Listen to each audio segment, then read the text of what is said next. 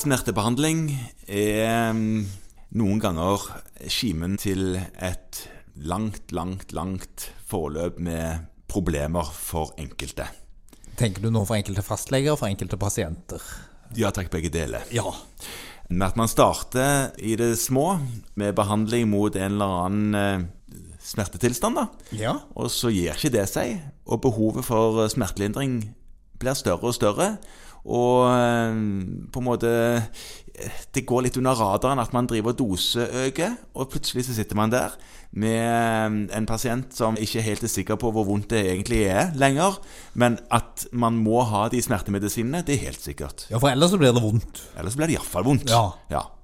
Dette ble jo veldig aktualisert for ikke så veldig lenge siden, på både på TV-serier og masse bøker som ble skrevet om oksykodonkrisen og Ja, ja, en ja. viss familie i USA som har hatt et rise and fall på dette. Ja. Ja, og medisinen finnes ennå, og medisinen startes ennå på, og medisinen eh, misbrukes fortsatt. Den er veldig bra når den skal brukes, men kan bli problem. Ja, og da er det sånn at det har vært sagt mange ganger før, og vi kan godt si det igjen, at i hovedsak så fungerer det denne typen medisiner, altså opiater, godt ved akutte smerter Ja, og ved kreftbehandling.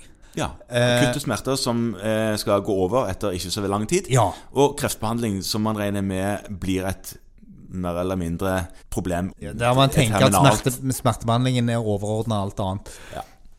Og ellers så bør det være en plan i så godt som alle de tilfellene du og meg sitter og jobber med, så bør det være en plan for å trappe ned at man skal bli kvitt opioidene hvis man først velger å starte de opp. Ja, sånn generelt så tenker jeg at en plan stort sett alltid er lurt. Ja. Mm. ja, en plan er alltid lurt. Og da, grunnen til at vi snakker om dette nå, er vel at det har på legemiddel... altså, Nei, at det har på legehåndboka, Ja. NEL, Norsk elektronisk lege... Nei, det er akkurat det det ikke er. Nei. På NEL, ja. Ja. Stemmer det. Så, så er det kommet eh, publisert en, en ny artikkel, eller et nytt eh, behandlingsverktøy, Ja, for kroniske smerter. spennende. Ja, og det kan jeg nesten med en gang garantere, det kommer ikke til å løse alle problemer. Nei, Nei, men for en sånn eh, fastlege som, som har revet av seg alt håret, så, så er det sånn at det å få forslag til noen nye hjelpemidler kan noen ganger være nyttig i en sånn frustrerende hverdag der man sitter med denne problemstillingen og, og egentlig vet at dette kommer ikke til å løse problemet for denne pasienten. Dette er antageligvis bare bråk, men jeg har ingenting annet. Nei, men så lenge man har konkrete planer og kanskje noen verktøy å vise til Vi ble jo ganske glad når denne trapp ned-siden kom. Ja, og, og sånne ting. Alle sånne ting er jo velkomment. Så her står det veldig mye fornuftig. Og det det fokuserer på, det det i stor grad fokuserer på, er faktorer som forsterker og eller vedlikeholder smerter.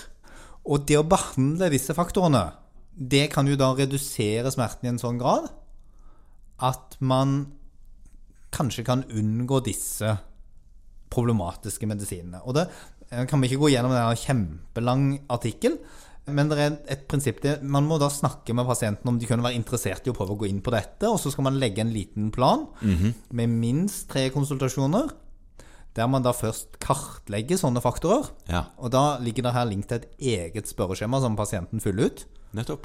Eh, Der man da får kartlagt hva kan det være. Og det, det er jo sånn type ting som, som søvnplager, som, som utmattelse, dårlig fysisk form, generell helseangst, eh, grubling, depresjon. Det er mange sånne ja. sentrale punkter som en da systematisk kartlegger. Mhm. Og så er det da egne kognitive opplegg for disse områdene.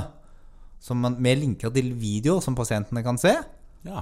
Eh, Og som man da kan snakke om på en konsultasjon i etterkant. Det er Ja. Litt sånn jobb for deg, da, som må se disse videoene du òg, for du bør jo vite hva det handler om ja, det er klart. Ja. før, før du setter deg ned og snakker med pasienten. Men da mer en sånn kognitiv tilnærming til de faktorene som kan påvirke smerten, og bidra til å opprettholde eller utløse den.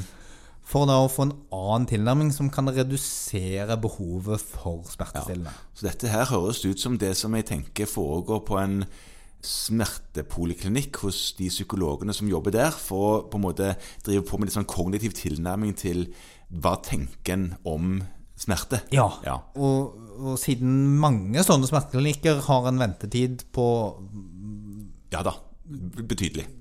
Ofte. mer enn et kalenderår, Ja. så kan det være nyttig å komme i gang med dette helt Ja, ja. på egen hånd. Og det er helt sikkert ikke noe som løser alle problemene, som sagt, men jeg tror at for mange så kan det i hvert fall være nyttig å se på. Og ta det med seg inn til de pasientene som man tenker at har en motivasjon for å gå i gang med et opplegg for å redusere bruken av analgetika. ja. Og dette fant en på Nell, sa du? Ja. Ja. Langvarige smerter, ikke medikamentell behandling, kan man søke etter, så vil man få det opp. Flott.